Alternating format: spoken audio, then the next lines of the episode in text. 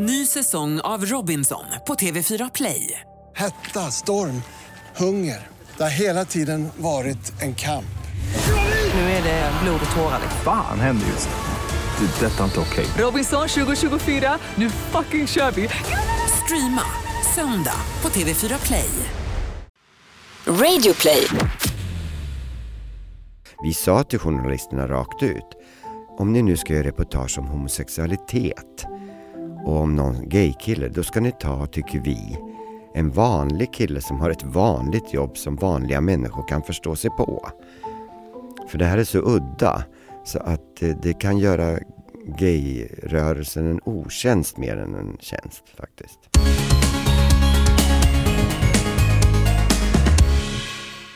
Välkommen hem Anton! Tusen tack Tobias. Och välkommen återigen varje vecka till dig som lyssnar på Regnbågsliv, oavsett hur länge du har gjort det.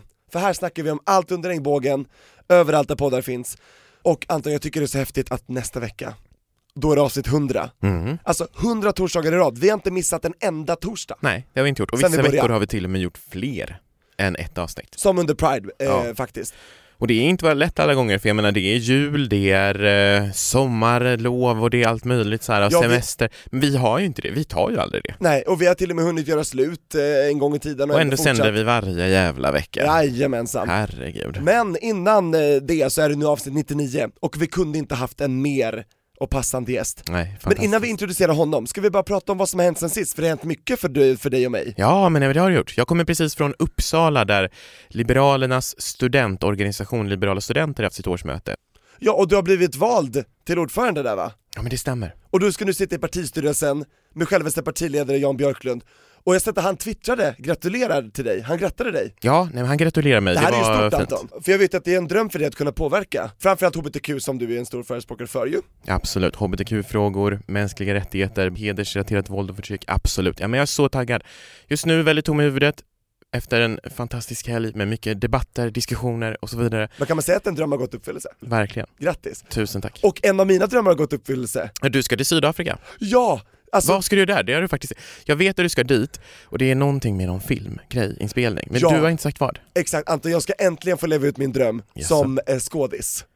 Nej. Jo men jag, jag har ju prövat på mycket i mina dagar, jag har jobbat med radio, och nu har jag börjat friidrotta igen och vara idrottsstjärna inom citationstecken Men nu ska jag få spela in en riktigt stor reklamfilm som kommer gå på Jaså? TV och bio i två år Vad är det för film? Reklamfilm? Får du säga det, vilken det är nu? Nej jag tror inte jag får Nej, okej. det, men det Mm. kommer märkas sen nästa år i alla fall Men alltså fatta, jag får åka till Sydafrika en vecka, all inclusive, vi spelar in i Kapstaden, en av världens vackraste platser och jag får leva liksom divaliv, jag kommer ha med mig butler och bil och det kommer vara så här lyx lyx Jag kommer lägga upp allting på sociala medier Vadå butler och bil? Ja, man har en sån chaperone Varför då? Eller? Jo men det är för att, så att jag kan ta mig dit och från inspelningsplatsen och till hotellet och Jaha. Så att jag alltid känner mig trygg, att jag har någon med mig liksom Okej, jag fattar. Nej, men att Jag kommer få leva liksom skådislivet Rockstjärneliv Jag liksom. vet! Det är en stor dröm som går upp för sig, jag har aldrig varit i Afrika och nu får jag åka till Sydafrika så det är Mm. fantastiskt Nej, men det ska vara oerhört vackert.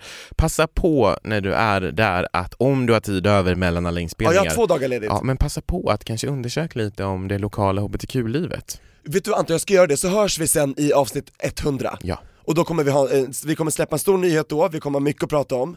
Eh, Så att håll i dig för det, Absolut, och jag kommer säkert också ha en hel del att leverera från mitt håll, det kan jag lova. det hoppas jag. Men nu Anton, vet jag någon som har ett helt yrkesliv att leverera? Ja men verkligen, och som är väldigt, väldigt aktuell och ska sändas på SVT nu på lördag. Exakt, det här är alltså en, en man som jag inte tror behöver så mycket presentation, men ändå. Dragshow-legendar, artist, designer, sen 40 år tillbaka. Christer Lindarw, känd från After Dark En pionjär, alltså HBTQ-Sverige Verkligen, brutit mark sedan 1976. Jajamän, still going strong, och han har varit så önskad av dig som lyssnar, av många av våra gäster. Alexa Lundberg vet jag, vill jag ha med honom? Och det är flera andra. Det ska bli jättekul, jag har längtat efter det här sen vi startade podden. Ja men verkligen, och jag är utöver att vi ska snacka med honom nu så är jag sjukt taggad på att få se hans show This is it sändas på SVT nu på lördag. Klockan åtta på ettan, och så den finns ju överallt, och SVT Play om man missar kan man se efterhand. För Anton, det här är ju hans sista stora föreställning, Mm. så att this eh, might be it, I hope not. I hope Vi not. får fråga honom det. Det ska vi göra. Jag säger, med den äran, varmt välkommen till Regnbågsliv, Christer Lindarw. Äntligen får vi säga välkommen till självaste Christer Lindarw alltså. Tackar, tackar. Den här satt långt inne.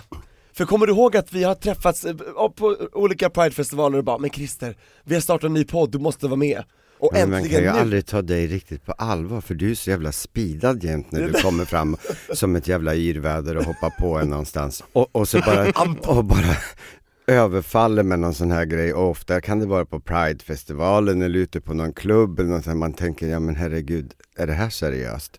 och det är så- det Ja, nu- det, det är ju antagligen det och nu är jag här men det, det, man fattar ju inte, du, vad går du på egentligen? Vad är det för energi?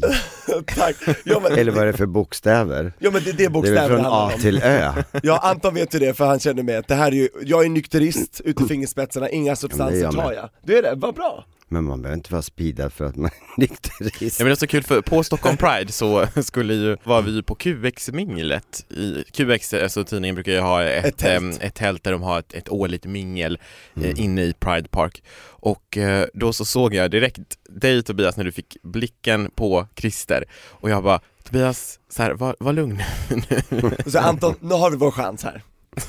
Ja, nej men det är så bra att du sitter här nu. Du är väldigt önskad av eh, våra lyssnare och framförallt av våra gäster som vi har haft här tidigare Jag tänker på en, viss Alexa Lundberg, klingar det namnet bekant? Hon pratade med mig för första gången på en av de här, man, eller det var kanske också under Pride, en Pride Monday, när det var lite special där på Victoria, när de hade sina schlagerkvällar där. Vickans på Kungs, vid Kungsan? Ja, för några år sedan. Mm.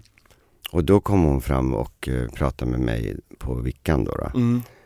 Och eh, var så himla gullig och, och liksom, ja, berättade hur mycket jag hade betytt och vad After Dark hade betytt. För det var det hon såg som närmade sig det hon själv ville göra redan som barn. Att Och- ni bröt de där normerna för henne? Precis, och att hon kände att det fanns någon slags värld någonstans som liknade det liv hon ville leva.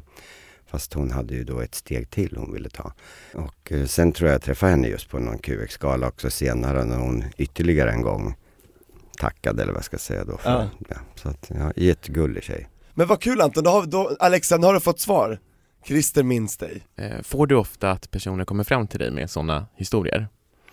Ja, alltså det har ju hänt genom årens lopp. Eh, att eh, gaykillar och, och människor har kommit fram och sagt att vi har betytt någonting för deras komma ut-process och att de kanske har suttit i en mindre stad där det inte fanns så mycket vare sig förebilder eller andra vänner runt omkring som var gay och särskilt innan internet och, och sociala medier där, där de nu kan lättare hitta andra i sin egen stad. Det fanns inte så mycket förr, så många som satt kanske ensamma i en liten stad och trodde att de var ensamma om den här läggningen.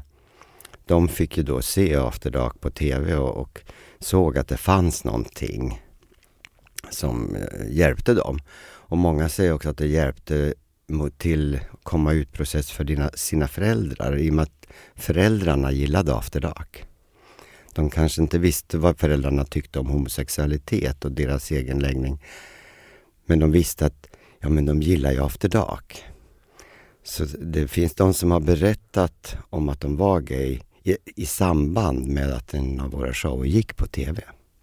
Vilken fantastisk isbrytare kan man säga då, Ja, för grann. samtalet att, att eh, Så att eh, där har vi ju fått mycket sådana bevis genom åren. Så dels att folk har kommit fram men också genom brev och att de har stött på en någonstans och, och sagt det. Så att, och det känner man ju både en värme och en stolthet inför. För jag menar, det var ju aldrig någon agenda från oss när vi startade att vi skulle vara några slags förebilder eller gå i bräschen för någonting eller någon slags gaykamp.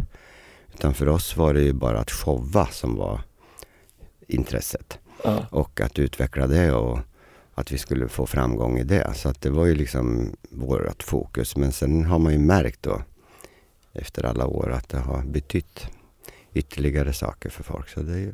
Men ni måste ju ändå veta att när ni började så var det ju ingen annan som gjorde det ni gjorde Nej, man ska inte ta hela äran från alla andra som har varit förut, före oss. Men, Men kanske i vi, Sverige började, då? vi började 1976 Mm. och då var det ju, dels var ju homosexuellt stämplat som en sjukdom fortfarande. Just det. Och dels så var det ju väldigt tyst i media om homosexualitet överhuvudtaget och det fanns inga öppet homosexuella kändisar och det fanns ingen så som var en förebild offentligt. Så det var ju väldigt tyst. Men det, fann, det hade ju faktiskt funnits en och annan druga som vi kallar heter- våra dragshow tjejer eller vad jag ska kalla dem, kallar vi för drugor.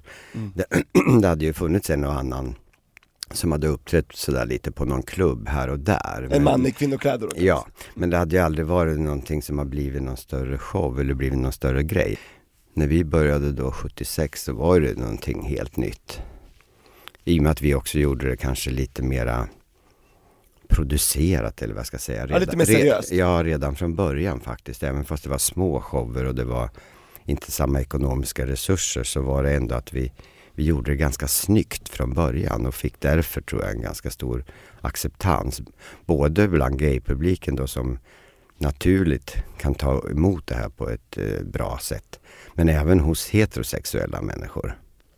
Så hade vi ju då en positiv respons redan från början. Och, och sen var också 70-talet där på slutet, från 76 och slutet, det var en väldigt öppnande och välkomnande och nyfiken tid.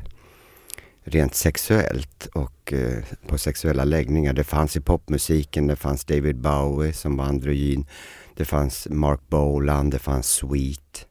Så män med smink och liksom Med smink och ja. till viss del Kiss också som Ja. också gjorde någon slags eh, figurer. Och det var en tid där det var liksom lite nästan, det är synd att säga inne om sexuella läggningar, men det var lite inne att verka, om inte annat vara lite bisexuell. Så det var en ganska kul tid och sen öppnade Studio 54 i, i New York och hela det som vi idag kallar för diskomusik och discoeran det var ju den vi fick på köpet när vi startade våran klubb 76.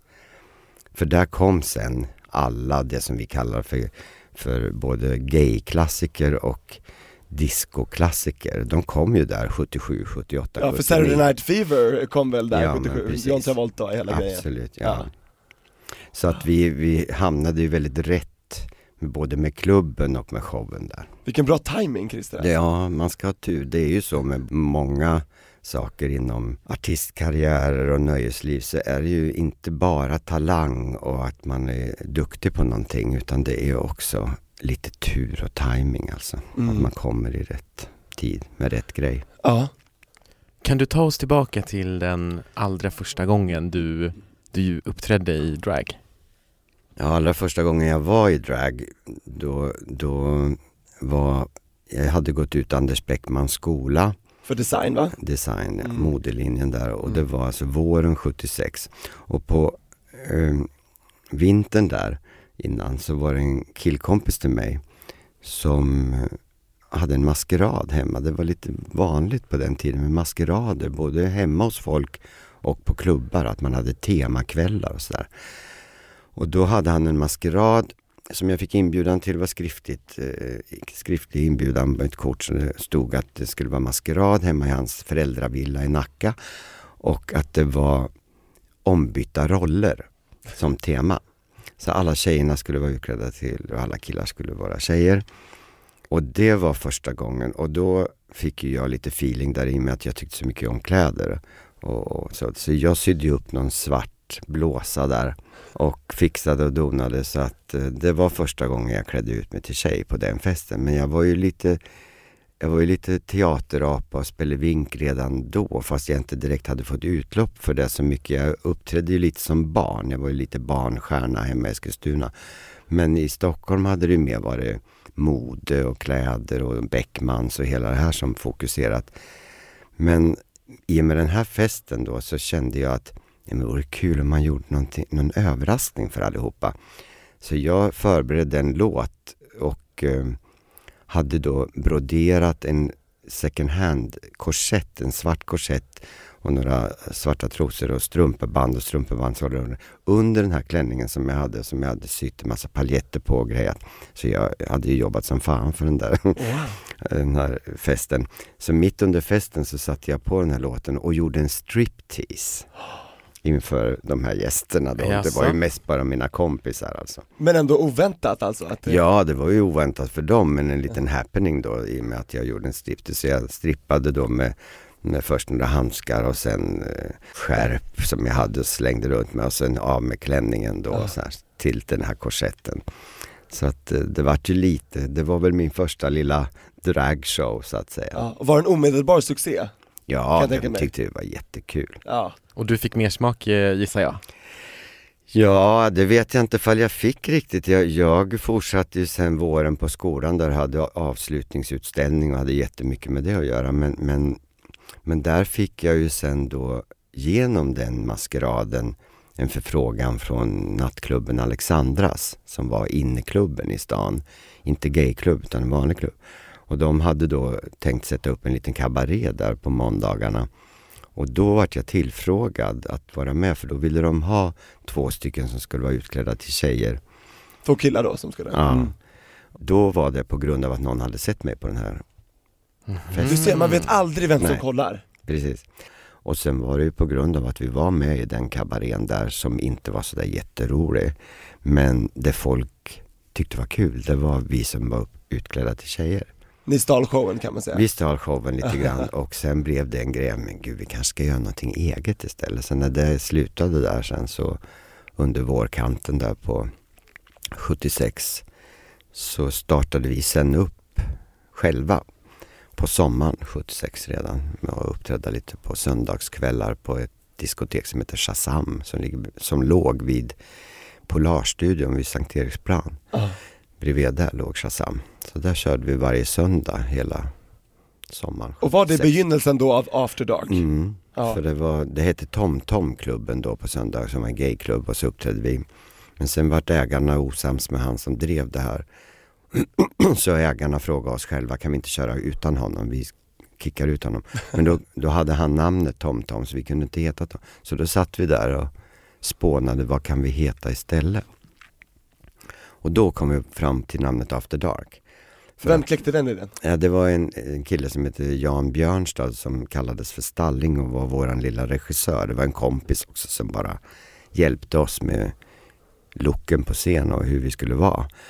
Han eh, prenumererade på en amerikansk nöjestidning som hette After Dark. Lite som Variety, de här tidningarna då. Men det var en ren nöjestidning som tog upp allt som hände på Broadway och ballett och sånt i den. Och den hette After Dark. Och den här tidningen hade ju vi bläddrat lite i så där och tittat vad som hände där borta. Och då sa han After Dark den.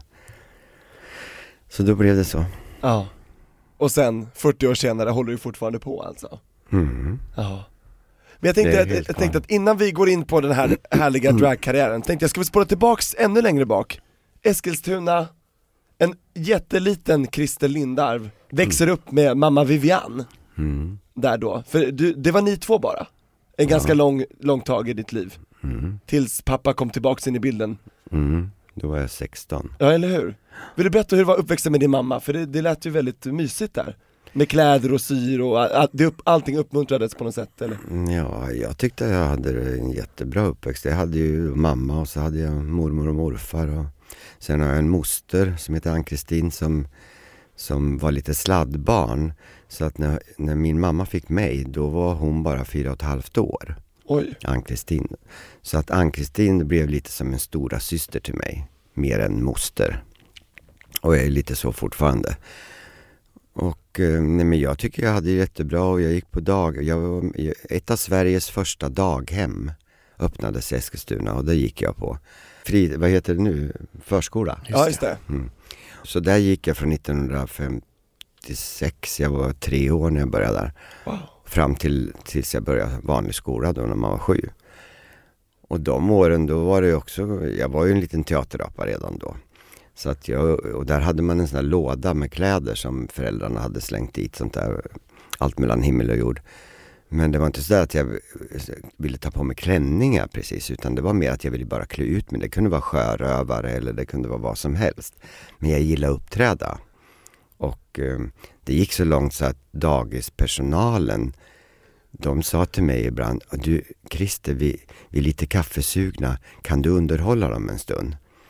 Så Du fick ta över så liksom. att, eh, tanterna som vi sa, daghemstanterna, gick och drack kaffe och så fick jag köra på där på någon låda och uppträda och alla ungarna satt ju med öppna och jag höll på. Det är ju Så att, fantastiskt. så att jag var lite spillevink redan där. Var jag. Ja. Var, det, var det viktigt att få bekräftelse liksom? Känner du, eller varför var det det? Ja, jag var inte så, jag vet inte ifall jag vet inte ifall man uttalat själv känner att jag vill ha bekräftelse, jag vill ha bekräftelse. Men det var väl det någonstans. Men det var, det, jag tyckte bara det var så roligt och eh, det var väl ett bekräftelsebehov men det var inte så där så att jag kände jag måste få bekräftelse, jag måste få bekräftelse. Det var inte så utan Nej. det var, det var bara att jag tyckte det var så kul och sen jag vet inte, jag, jag tyckte om att sjunga och uppträda. Det var, det var ett uttryckssätt för mig på något sätt som, Ja. som, som jag gillade. Och hur tog det sig uttryck sen när du blev äldre, genom skolåren? Jag gick i en liten skola sen också som var, gick i samma klass Med Ja. samma människor? med samma elever från första till nian.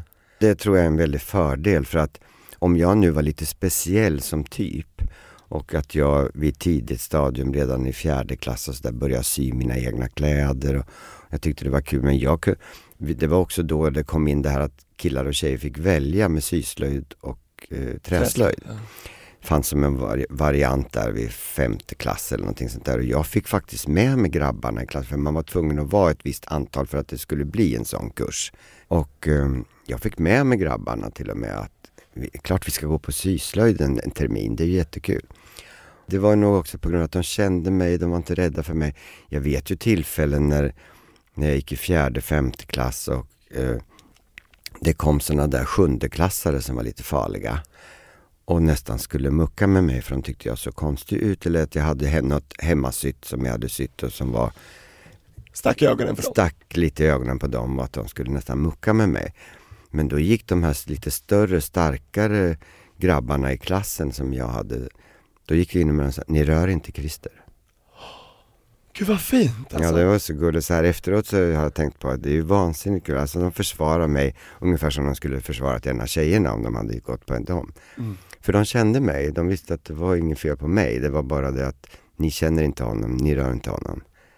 Så det var jättegulligt. Så du var populär i skolan lät det som? Ja, jag var populär och, och jag var ju lite spelevink och lite pådrivare när det gällde roliga timmen och vad vi skulle göra och vi lekte tio i topp och hade massa singlar med oss och spelade Beatles och fick alla rösta vilken låt som skulle vinna och jag fixade och donade med de där roliga timmen-grejerna och maskerader och sånt där var jag alltid pådrivande när det var. Så folk visste att de hade kul med dig, så det var Ja. kul att vara runt dig liksom. Ja, det var det tror jag. Ja. Sen kunde man ju få lite så här ret, eh, stickig grejer och i och med att jag lekte mycket med tjejer och jag, var, jag, och- jag var populär hos tjejerna så, så det var ju liksom tjejtjusare och sådär. Det sticker lite i ögonen kanske på de andra killarna. Ja, de är avundsjuka Ja, mest. det var ju mest avundsjuka och lite så men jag var aldrig mobbad på riktigt. Nej, Det var mera sådana där, och men jag brydde mig inte och då, de kallade mig för modeoffer och, och det var liksom det, sådär. Samtidigt som jag inte var en stark och stor typ så var jag ändå ganska stark psykiskt tror jag. För jag brydde mig inte, jag tänkte bara, gud alltså de har noll koll. De, de har noll koll, de fattar ingenting. För jag hade minsann tittat i modetidningar ja. Så jag visste minsann vad som var modernt och jag hade sett popprogram och vad Beatles hade på sig och sen kom det då lite slutet av 60-talet, lite flower power och hela det. Jag hade koll. Och det var mods och det var, man drog i tröjorna, skulle vara långa, man hade Converse där man skrev Beatles på den här vita sulan, skrev man med tuschpenna och så, ja, nej men så att jag var jag, jag tyckte att jag hade en väldigt bra uppväxt på det sättet. Det låter ju som att du har gått eh, din egen väg hela livet. Skulle du säga att Ja, stämmer? det har jag nog gjort. Alltså, både på grund av att jag haft support av mamma och de kompisar jag hade runt omkring mig så där, som, som stöttade mig och tyckte det var kul med det jag gjorde. Ja, nej men jag tycker absolut att, att eh, det har varit en lättsam. Och det är ganska lustigt sen nu när jag skrev min bok för två år sedan. This is my life. Och fick eh, ja, fin kritik och, och folk har tyckt om den och så. Den enda som, som skrev ner boken, det var en, en bög. Jaså? som tyckte att det var fullständigt ointressant att läsa en historia med någon som haft det så bra. Och då kände jag bara, ah, hallå, okej alla berättelser om folk som har varit självmordsbenägna, de har varit mobbade, Jonas Gardell-syndromet, jagad i tre kommuner och allt vad han har malt om i alla år. Och många andra som berättar om hur förskräckligt det har varit. Kan det inte vara skönt att veta att några har haft det ganska enkelt och bra också? Absolut. Även av den generationen jag tillhör. Nu är det mycket lättare och mer accepterat och, och så bland ungdomar. Men att, att, att då se ner och tycka att då är det värdelös historia om det inte har varit en massa olycka och, och, och motgångar. Det var en väldigt konstig, tyckte jag, inställning från Ja, hans sida. vi delar inte den inställningen kan jag säga här, utan här är alla historier lika viktiga för att få en helhetsbild. Ja men verkligen. När du var 16-17 där måste jag bara fråga, då kom din pappa tillbaka in i ditt liv? Mm. Och då hade han inte varit i ditt liv alls kanske sen du föddes eller? Nej, nästan inte alls. Nej. Han hade kommit på någon enstaka födelsedagsgrej. För han var gift med en annan eh, Han, då i hittat, flera? ja, han hittade en annan kvinna som han lämnade mamma för redan när, hon var, när min mamma var gravid. Det är tufft. Så att jag är ju bara uppväxt med mamma och har knappt, hade knappt haft någon kontakt med min pappa. Hur var det då när han kom tillbaka? Ja, det var ju lite surt. Och jag var ganska bitter och eh, Så nu sex, passar det? 16 år, ja precis, Ja. nu passar det att komma tillbaka när mamma har slitit ensam med sin lilla kontorslön. Och du har inte behövt betala någonting för mig liksom? Nej, det var inte många ören hon fick i, i underhåll. Och något annat hade han ju inte bidragit med direkt i, i presenter eller saker jag behövde. Så att då var det lite bitter. Men, men sen så gick det väl ett tag där och jag lugnade väl ner mig.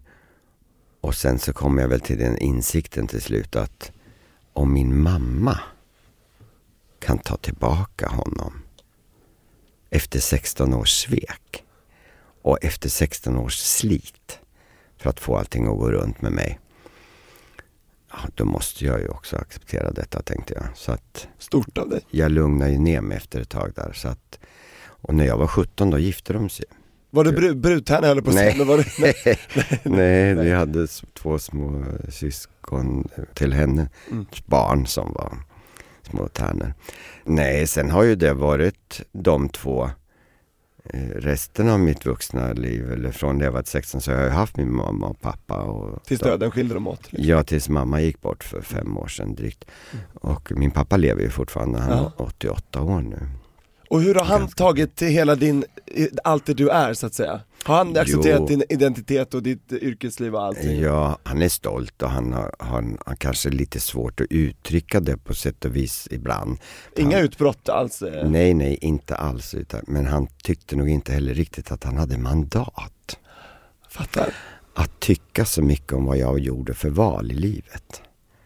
Så att eh, han var nog ganska neutral och när det väl startade med att jag skulle göra dragshow och hela det här så mamma tyckte ju också som jag själv att i början att ja men kan det inte skada din designkarriär då om du uppträder på kvällarna sådär. Liksom, hon hade inga invändningar mot att jag uppträdde men att uppträda som kvinna och vad skulle det ge för rykte för mitt namn?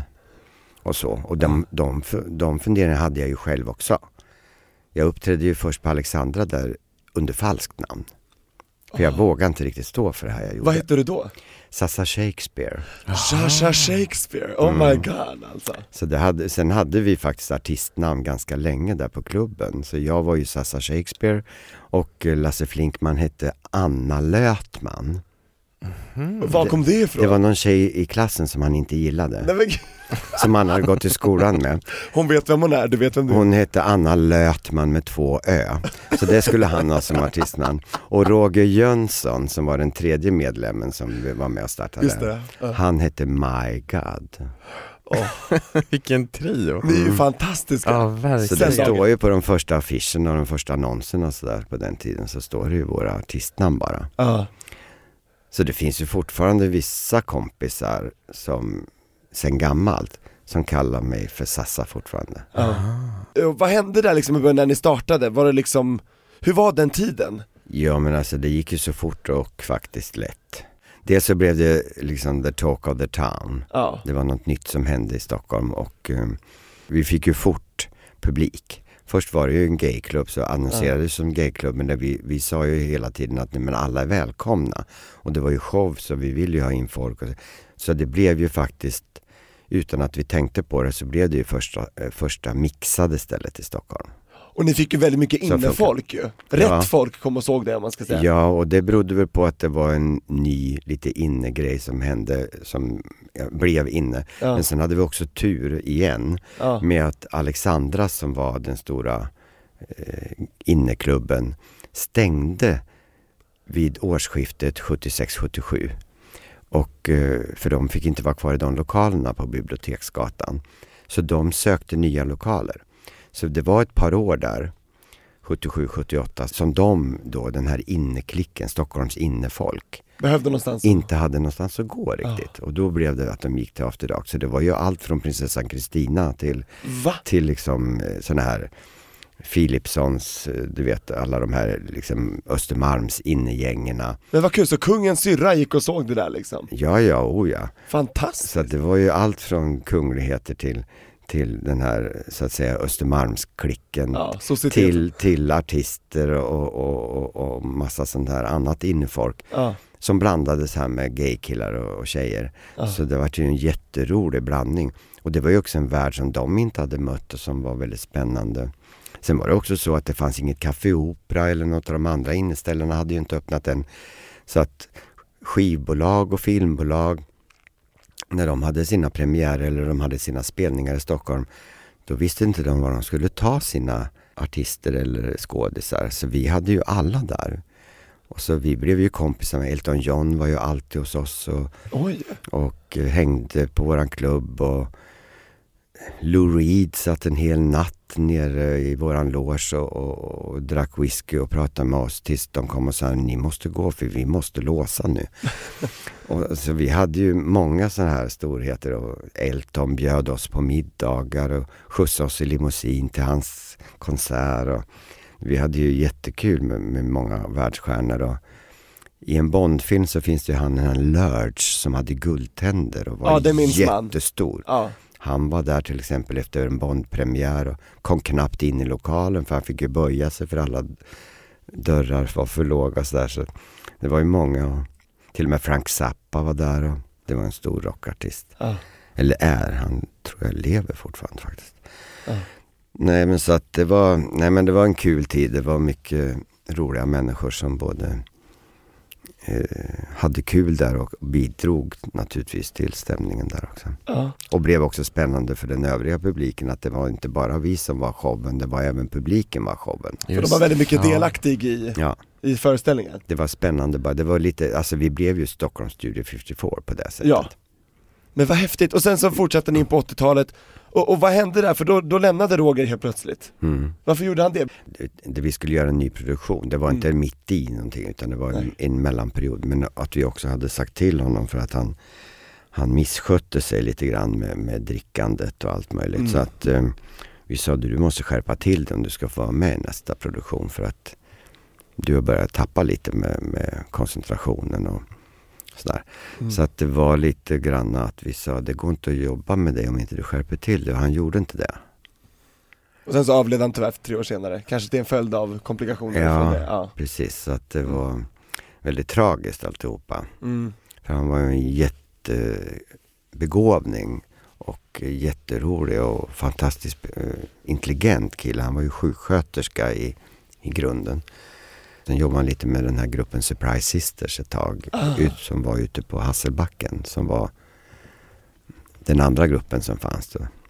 Det Larsa, Lars-Åke Wilhelmsson och Babsan och Ja, det är de be- Och- begynnelsen där. Ja, det var ju de. Hans Marklund och alla de körde ju där då. Mm. Ja. Men ni, ni tuffade på, ni körde på där After Dark 80-talet Det var först när du skulle fira 20 år som dragartist, som du bestämde dig för att nu kommer jag ut offentligt som homosexuell Ja, det är så sjukt det hela det där. Alltså grejen är att, Efter Eva och Eva, nej och samtidigt. Jonas, var det samtidigt som Eva Ja. Attling? Och Eva- 90-talet va? Ja exakt, 96 här Ja, 96. Och, och då kom jag ut i Månadsjournalen som var liksom den stora fina. Det var ju före QX-tid va? Ja, det var det nog. Ja, Och det var Ulrika Knutsson som är en sån här fin eh, kulturreporter som gjorde reportaget och alltihop. Mm. Men det är så sjukt egentligen att man inte hade gått ut med det tidigare. Men det var inte den kutymen. Nej. Att man gjorde inte, man snackade inte så mycket om sexuell läggning överhuvudtaget. Sen var det också i början när, när journalister frågade oss mycket tidigare. Vi vet ju att ni är homosexuella, så här ska ni inte berätta om det. Och, och då var vi alltid nej, nej, vi vill inte berätta om det. Och då var de ju hänsynsfulla på Ja, den tiden. På den tiden De hade man respekt. Ja, då skrev de inte om det. Men de, de ville väl göra det för att det skulle bli. Men vi var, dels så tyckte vi att det här är en privat grej, det angår ingen. Alla hade inte riktigt kanske varit så öppna mot sin andra omgivning vad gäller släkt och vänner, så på, all, på helt öppna. Nu var nog vi, i alla fall Roger, Lasse och jag där, men, men vi ville också bli accepterade och respekterade för vad vi gjorde på scen Förstår. inte för vad vi var. För eh, när Jonas Gardell kom till exempel sen så var det ju väldigt fokus på att han var den där riksbögen på något sätt. Det var ju större fokus på det än vad han presterade i böcker och pjäser och eh, framträdanden. Och det var väl den fållan vi inte ville hamna i där. Och därför tog det så lång tid, men det är ju löjligt. Jag menar, de flesta hade ju fattat det ändå. Så att när jag gick ut där i Månadsjournalen 1996 så var det inte så himla många som höjde ett ögonbryn tror jag. Så det var inte breaking news för alla kan man Nej, säga. plus att Eva och Eva gifte sig samtidigt Ja, när den där tidningen kom ut. Så de, det var väl, eh, den kom ut i januari och de gifte sig februari, mars eller vad det var. mm, Så att Eva och Eva fick ju allt fokus, förstår. medialt sett. Och det kanske du tyckte var skönt? jag Skönt att tyckte gå lite var under radarn. Ja. Ja men du vet det var jätteskönt så då hade jag gjort det men det var liksom ingenting som behövde bli så. Ny säsong av Robinson på TV4 Play. Hetta, storm, hunger. Det har hela tiden varit en kamp. Nu är det blod och tårar. Fan händer just nu. Det. Detta är inte okej. Robinson 2024, nu fucking kör vi! Streama söndag på TV4 Play. Ett poddtips från Podplay. I podden Något Kaiko garanterar östgötarna Brutti och jag, Davva, dig en stor dos skratt. Där följer jag pladask för köttätandet igen. Man är lite som en jävla vampyr. Man har fått lite blodsmak och då måste man ha mer.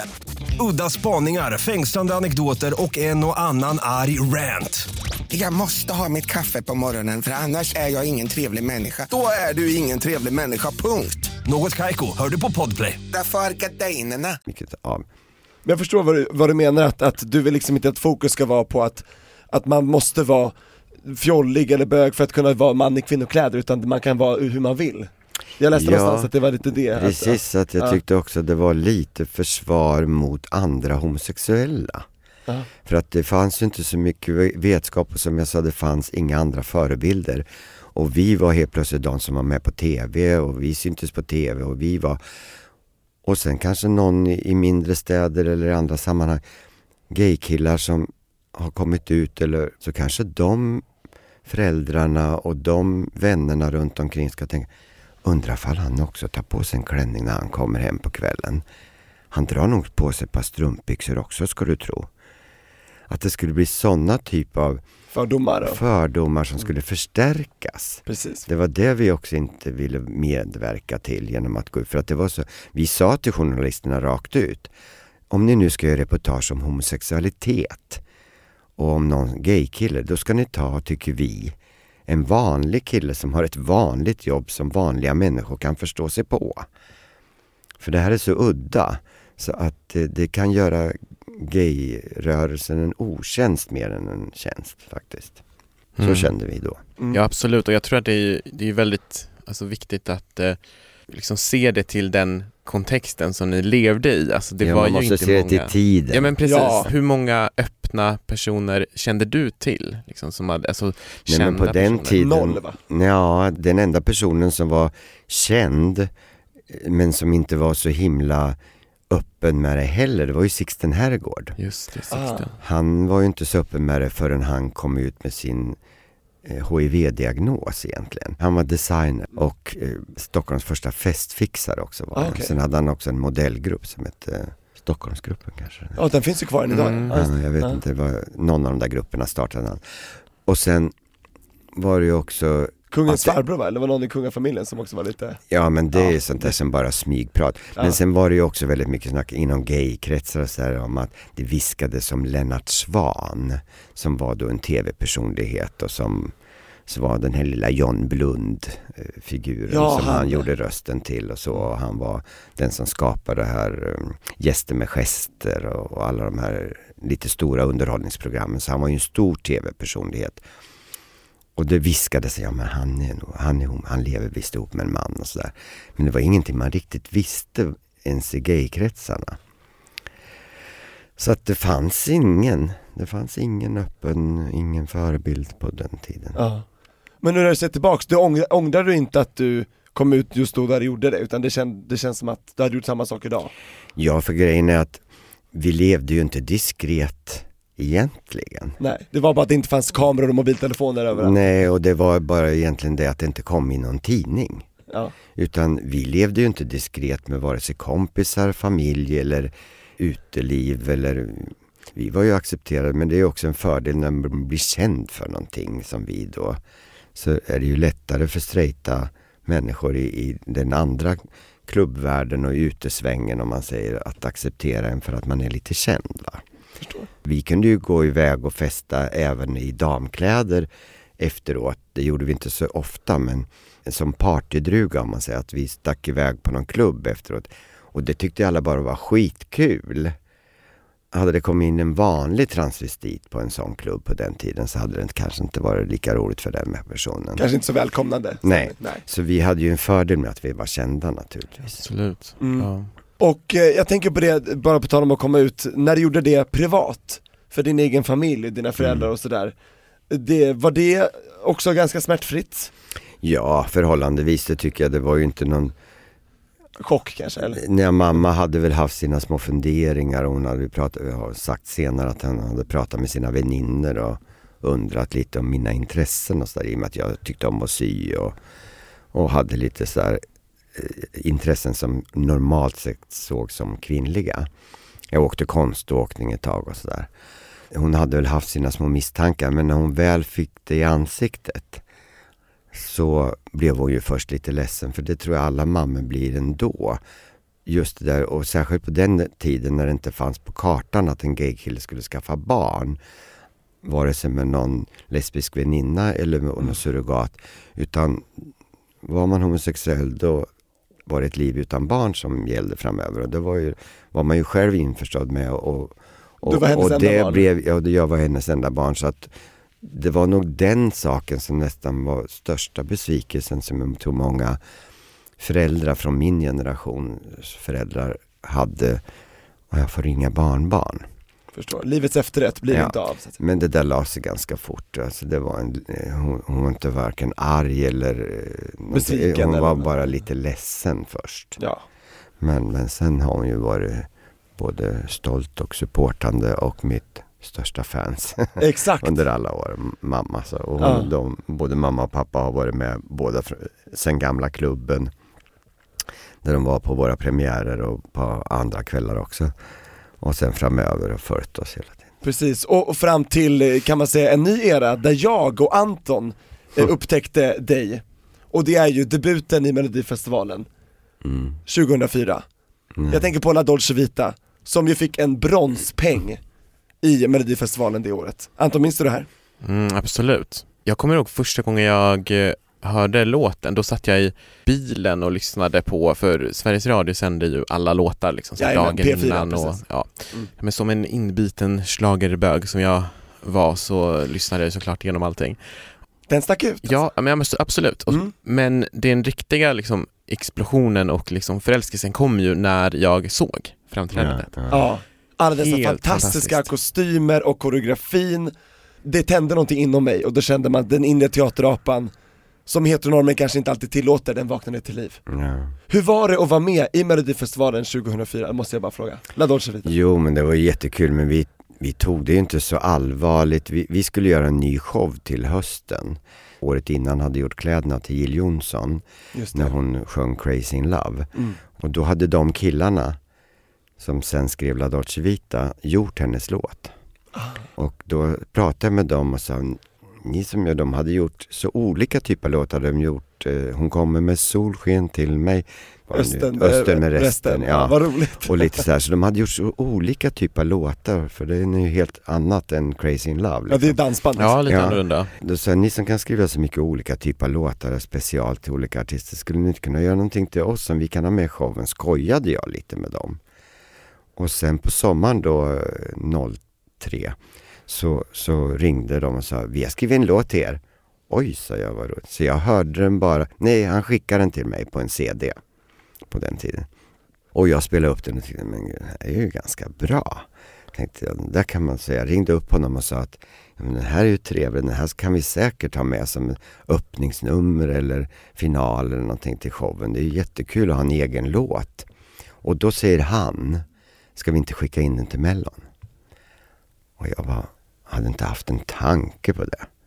Jag hade ju varit med så mycket i mellosammanhang genom att jag hade gjort så mycket kläder genom åren till olika artister och sådär. Ända från Lill Lindfors tappade kjolen då, 85. Just det, Eurovision Song Contest, det här var ju också groundbreaking. Ja, så jag hade ju varit med så mycket bak, men sen har jag aldrig haft en tanke på att jag själv vi var ju mest en meme-grupp. Vi hade ju gjort live-nummer ganska mycket senare år, från börsentiden och framåt, så här, men aldrig i tankarna att göra hits eller vad jag ska säga, utan Ja. mer att vi gjorde covers på showlåtar och svenska texter och sådär. Mm. Men det var ju mer ett kabaré underhållningssyfte. Ja, herregud, sa jag. Ska vi vara med i Melodifestivalen? Hur ska- Nej, men jag måste ringa Flinkman. Så jag ringde Lasse Flinkman och spelade upp låten per telefon till honom bara så han fick lyssna genom luren. Och då så säger han, ja men det där är ju bra, men han skrattar ju ihjäl sig åt tanken. Ja. Att vi skulle vara med. Men så kom vi fram till i alla fall, men vad fan har vi att förlora? Kommer den med så kommer den med, kommer den inte med så har vi i alla fall en bra låt som vi kan ha till showen. Ja, och sen så gick det vidare, sen kom den ju med. Ja. Men skriverierna runt vårat framträdande där, det var ju lite, vad fan ska After Dark göra i Melodifestivalen? Och de, Det var motstånd alltså? Alltså ja, sk- de här som brukar skriva om Mellon, de skrev ju lite sådana där artiklar typ att ja, ja, det kan nog bli lite show och lite fläkt och fart och fläkt och lite dans och lite så, men de är inga sångare och, och det, det kommer ju aldrig funka. Men redan vid första genomdraget faktiskt, när vi körde och de sitter där ute och tittar journalisterna, då hade vi inte ens scenkläder på oss.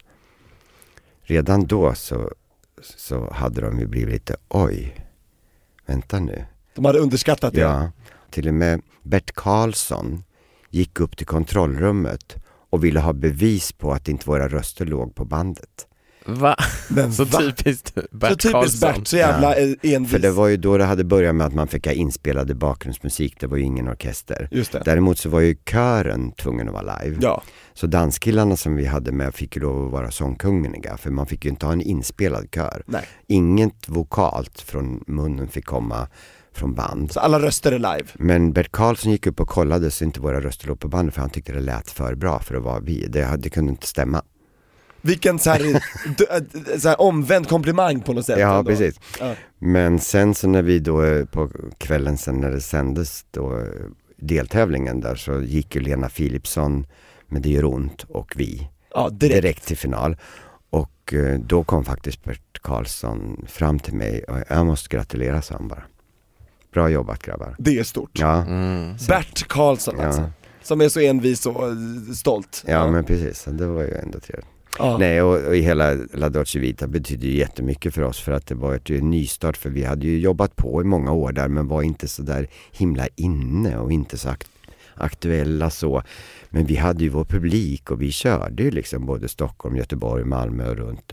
Det tuffade på av sig själv. Det tuffade på liksom men det var ju ingen, det var ju ingen liksom upphaussad i media på något sätt. Så det var lite, ja ja ja, After Dark, de jobbar.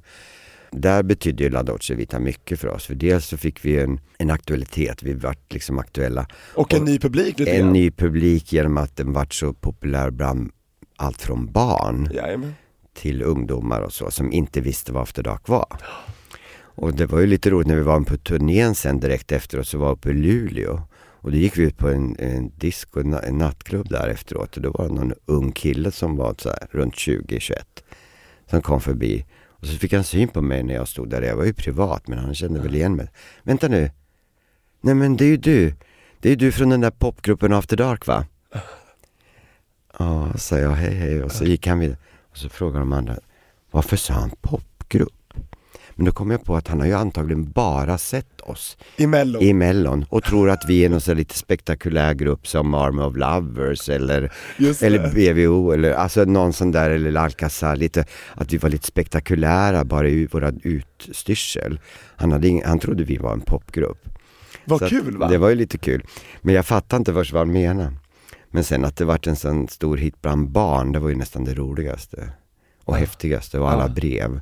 Och alla sånt som man fick från föräldrar som skrev och berättade om hur de hade, hade hjälpt till att klä ut barnen till skolavslutningar och, och sådär. Och, och unga pojkar som skickade, de skickade kort på sin åttaåriga, nioåriga pojke och, och med någon annan kompis där de var utklädda. En till Lasse och en till mig.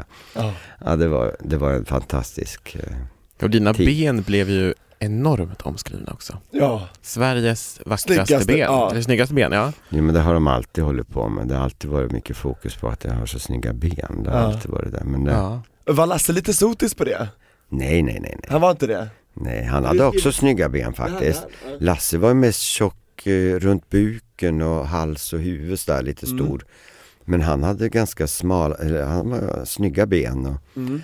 han var inte så där stor hela hand på något sätt. Det var mest stor mage och hela det där. Det kunde få en stor byst av så att säga när han var Ja, det, det, en stor biss så tar det bort lite av magen. Exakt. Men, eh, Men det är skrivet han- som att det var lite slitningar, att han var lite sotis på att du fick så mycket uppmärksamhet där eh, och så Ja, det var i början av 80-talet på Ja det var börsen. back then, okej. Ja. När vi hade kommit så här långt som till Mellon där, då hade vi återförenats för han hoppade ju av några år på 80-talet. I protest eller? Ja, för att han tyckte att jag fick för mycket fokus och att det koncentrerades för mycket på mig och att han tyckte att jag var självisk. Trots att jag själv tyckte att jag skapade ju showerna tillsammans med den här Stalling som jag berättade om, som var vår regissör. Det var vi två som hittade på allting. Mm. Lasse var ju inte med och hittade på några nummer överhuvudtaget. Så vi hittade ju på alla roliga nummer som Lasse gjorde också. Så jag sa till Lasse, vad då tycker du att jag är så jävla självisk? Jag gör ju lika många bra nummer till dig. Ja. Vi har lika många nummer. Det är upp till dig själv att göra något bra utav det. Om folk vill koncentrera sig på mig från media eller att de tycker att det är mer fascinerande med mig på grund av att jag blev så trovärdig som kvinna. Det var ju också en viss fascination med det att folk satt nästan och gissade. Är det en kille eller är det en tjej? För att jag Ja. var så himla trovärdig. Just. Och det var väl lite mer spännande än en rolig tjockis som man såg långväg att det var en kar. Och han gjorde en grej av det också med att han hade håret kvar på bröstet och sådär när han Ja. hade urringningar och så. Hans kompisar hade väl också påverkat honom. Vad fan, Christer får all uppmärksamhet och du skitbra. Du skulle klara dig utan honom. Så jag tror han blev mycket påverkad av sin, sitt gäng. Så att han hoppade ju av där och skulle göra egen show då istället i Göteborg på restaurangträdgården och sådär. Men det gick ju inte så bra. Vi jobbade vidare utan honom men att för honom gick det inte så bra med sin egna show. Så han kom ju tillbaka sen lite med svansen mellan benen. Och eh, Du tog tillbaka honom ändå? Ja, det detta. gjorde jag för att jag tyckte ändå att vi funkade så bra som par. Jag tyckte också det var lite jobbigt att dra hela lasset själv med att vara den enda i fronten. Men eh, så han kom tillbaka, och, men efter han kom tillbaka då hade vi väl båda två landat lite grann i det där och vi hade blivit lite äldre, vi mognade. Och så, så att då var vårt både samarbete och privata läge mellan varandra gick mycket bättre sen. Vi visste att vi båda hade vår plats och båda två var betydelsefulla och vi var en bra duo. Vi var lite helan och halvan. Ja. Då kunde vi koppla av båda två för vi visste båda två vad vi betydde för showen. Mm. Och jag måste bara säga på tal om att betyda någonting, min, min mamma är ju inte den största förespråkaren för HBTQ eh, alls, men den stunden hon förälskade sig i dig, det var när du förra året uppträdde på Victoriadagen Jaha. och spelade, alltså drottning Silvia, Ja. Victorias mamma. Och jag tror min mamma aldrig sett någon bättre show alltså. Hon tyckte det var så fantastiskt trovärdigt som du sa, det var så jäkla klockrent, Silvia ända in. Just, Victoria, här är mamma, hej hej.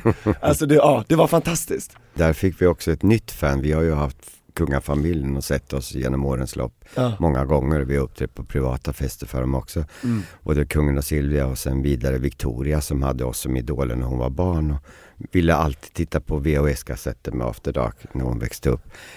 Och eh, i och med det här framträdandet på Victoriadagen så fick vi ännu ett nytt fan. Så nu är ju lilla Estelle. Estelle Vad roligt! vårat stora... Prinsessan Estelle. Ja, så hon har en liten After Dark-hörna hemma på Haga. Nej, Nu vad säger jag fint. saker som jag inte ens vet vad jag får säga. Men jag gav henne när de var eh, prinsessan Victoria, kronprinsessan och hon och en, en kompis med sin dotter och tittade på oss förra hösten på Oscars och då, då gav jag en liten kasse som jag, jag tänkte vad ska jag göra? För jag skulle ge Victoria min bok. Och tänkte jag måste ha någonting till flickan också. Så jag åkte ner på lagret, klippte ut enmetersbitar av olika glittertyger jag hade på lagret.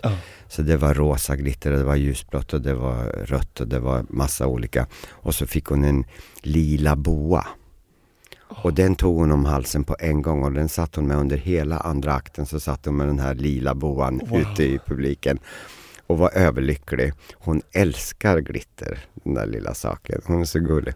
Så hon har en liten pysselhörna där de pysslar och gör lite små glitterklänningar till dockor och, och syr en liten glitterkjol till sig själv hemma och sådär. Men Tänk vad kul, After Dark Ja, charmar generation verkligen. efter generation Ja, det är kungafamilj. så gulligt. tycker Ja, så att till och med royalisten, min mamma, hon, hon älskar nu After Dark och nu är allt förlåten lite grann så. Eftersom att du var så pass trovärdig som kvinna när du uppträdde.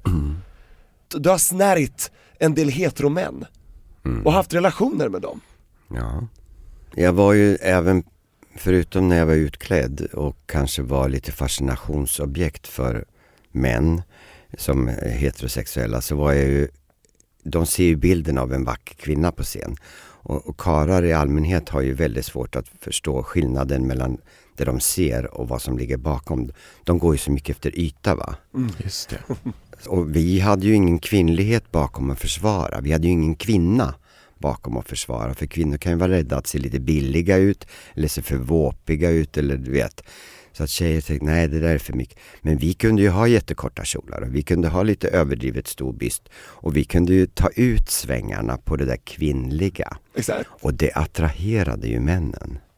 För det var, ni ska ju också tänka att här på 70-talet så var det väldigt nedtonad mode vad gäller kvinnor. Brösten skulle inte framhävas, bröst, alltså bhna kastades, det skulle hänga fritt och det skulle inte visas några former. Det var brunt, orange och tråkiga färger i modet. Så det var ju ingen glamour och makeup var ju liksom, nej nej nej. nej. Mode skrev man inte om. 70-talet var väldigt ah, det var tråkigt på det sättet, på, förutom den här disco disco-grejen om man säger som fanns också med glittertoppar och lite så. Men, men ändå så var det, stort sett så var tjejer ganska tråkiga. Och då var det många män som föll för den här bilden av kvinnan som de såg för mig. Och vissa karlar kunde inte riktigt, de sket i att jag hade en kuk mellan benen. De tyckte det var så spännande med den här tjejen ändå. Och sen fanns det också killar som jag kunde träffa när jag inte var i drag, som när jag var mig själv. Blev fascinerad för jag var ganska androgyn i hela min utställning och på 80-talet då hade man långt hår. Det var liksom vad heter, Europe och alla de här eh, hårdrockslookarna. Permanentade. Permanentade stora puderfrisyrer. Så att det var, killar och tjejer hade samma. Det var sönderklippta collegetröjor som hängde ner lite på axlarna och det var lite så här. Så att modet börjar bli lite mer androgynt också. Och Lite jag- unisex sådär. och, Ja, och unisex. Och jag, jag anammade det där mycket och jag utnyttjade också den här sidan av mig mot de här killarna som jag träffade ute. För då gick jag nästan aldrig på gayklubbar. Det behövde du inte. Jag behövde inte utan jag gick på vanliga, jag gick på Café Opera och Daily News och alla de här inneställena som var då och eh, jag flörtade och skojade med killar så, så gott jag kunde och eh, ganska ofta så fick jag också dem Napp. hem i säng. Det var liksom lite sport på något sätt. Ja. Och sen var det många av dem som tyckte att om de någon gång hade haft någon sån liten tanke att kunna ha någon liten grej med en kille så kunde de ju gå hem med mig för det var inte så farligt. Exakt. Tyckte de. Mm, de tyckte att det var lite Det var- halvvägs. Det var nästan lite halvt godkänt ändå för det var inte riktigt som att gå hem med en skäggig eh, bög. Precis. Ut, utan här var det liksom nästan lite som att gå hem med en tjej i alla fall tyckte de. Ja. Men och jag sket i vad de tyckte, jag utnyttjade, jag tyckte det var jättekul. Ja precis, det var ju win-win Men det var ju också ett par av de här männen som jag träffade då på den tiden som jag faktiskt hade årslånga förhållanden med. Ja. Men som efter mig sen har gått tillbaks till kvinnor och inte haft. Men där ser man också om man släpper alla tankar om kön och eh, så. Så när kärleken kommer in och den tar tag i någon så spelade det ingen roll. Då kunde det överbrygga det sexuella på något sätt. Att det kanske inte var då som fastnade för först. Det var mig de blev kär i liksom. Det tycker jag är så härligt att höra, för det är många dragqueens som säger att när man är drag så är det ingen kanske gaykille som vill gå hem med dem, för då är man liksom en kvinna. Det som kallas för så här fem-shaming, att i så här gaykulturen ser många ner på det feminina och att det är det här, ma- man ser på Grindr, många skriver så här mask for mask, alltså maskulin kille söker maskulin och Ja, så no vidare. fems, no asians, no det, inget Ja sånt där. precis. Ja, alltså det är väldigt tråkigt. Är man inom den lesbiska världen så står ju den så kallade bordsflatan står ju i högre kurs ändå. Trots att det är många inom lesbiska som har lite fördomar mot dem också. Men, men, men den, den kvinnotypen står ju mycket mera högt i kurs. För man ser mer sådana par. Att en riktig bordsflata som är väldigt manligt klädd och ser nästan ut som en man gifter sig eller har en väldigt feminin kvinna bredvid sig. Men du ser ju nästan aldrig en lite muskulös, snygg eh, bög som ser mer eller mindre ut som en fotbollskille bara, så här lite vanlig gaykille. Man ser ju nästan aldrig en sån kille gå hand i hand med en transvestit. Nej. Never. Varför är det så här? Det är, Därför att i den krets, i bögens värld så är ju så manligt som möjligt är ju högst i kurs. Och transvestit och eh, drag och, och transsexuell och allting står ju lägst i kurs. För de vill inte att det ska vara kvinnligt eller det ska vara fjolligt eller så. Utan det ska vara muskler och det ska vara rutor på magen. Och det ska vara så vanliga kläder som möjligt. Och, det är lite tråkigt det där tycker jag att man det som ses upp till i gayvärlden så mycket är det som är det heteronormativa bara. Det finns inte så mycket utrymme. Nu tycker jag det börjar bli bättre med ungdomar ändå. Att de kan vara lite queer och det kan vara liksom lite knäppare i både look och att de kan ha lite sminkade och de kan ha lite tokiga kläder på sig. Och det tycker jag har ändå blivit bättre.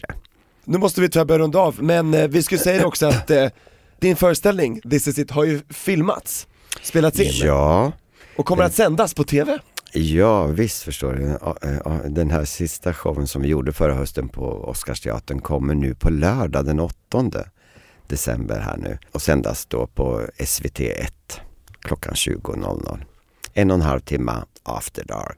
This is it. But is it really it? Is this it verkligen? Ja, det vet jag inte. Jag har, aldrig sagt, det. jag har aldrig sagt att det är det sista vi gör. Det- Jag sa att det var den sista stora produktionen. Fattar. Och det blev väldigt fokuserat på det sista. Mer än det sista stora. Så att, men jag får väl äta upp det när jag kommer tillbaks med en show sen att jag är en cheer eller någonting sånt där. Bara jag comebacker hela tiden. Exakt. Men jag har inte sagt det egentligen. Men jag får äta upp det sen. Ja, för du har gjort drag nu i över 40 år alltså. Mm. Hur många år tror du att du vill fortsätta? Det vet jag inte. Nej. Just nu är det jätteskönt att vara ledig ett tag. Ja. Och sen har jag fått ett par musikalrollförfrågningar men jag har tackat nej till, jag har inte tyckt den passat mig de rollerna. Men så, så kom jag med i en tv-serie som startar i januari. Berätta. Ja men jag spelar mig själv höll jag på att säga, det gör jag inte. Men jag, det är en roll, men det är en manlig roll alltså. Okej. Så att det är lite spännande. För du har gjort film förut, du har ju varit med i Göta kanal och Evana Ja men det var ju där. bara lite statist uh, Ja. grej sådär. Men, men, men det är en liten biroll i och för sig bara, men det är kul ändå. Christer gör comeback som skådis, det tycker jag är kul. Ja, verkligen. Och Mm. jag kommer sitta bänkad på lördag. Jajamän, Jag hoppas jag att du som lyssnar också kommer göra det och jag hoppas att vi får se dig med en ny show längre fram. Det får ni säkert i någon form. På något Precis. sätt. Av någon olika storlek så att säga. Ja. Ja. Det ser jag verkligen fram emot och tusen tack Christer för att du delade med dig av ditt liv till oss idag. Ja, tack. verkligen. Det var This is jättekul att vara här.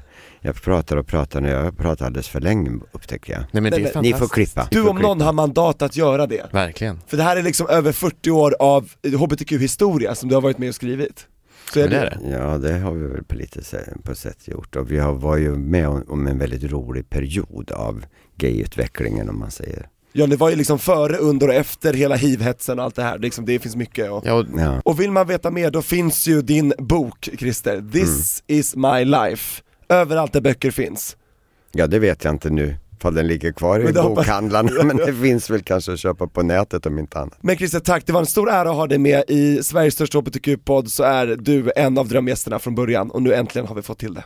Tack, det var jättekul att vara här. Vi hörs nästa vecka, Det då är det avsnitt 100 Anton. absolut. Taggad. Må vi leva ut i hundrade och så vidare. Oh ja. Christer vet ju hur man firar här, så att, eh, vi får, Verkligen. får lite tips Så här. grattis i förskott. Tusen tack! Och tusen tack till dig som har lyssnat. Vi hörs igen nästa vecka.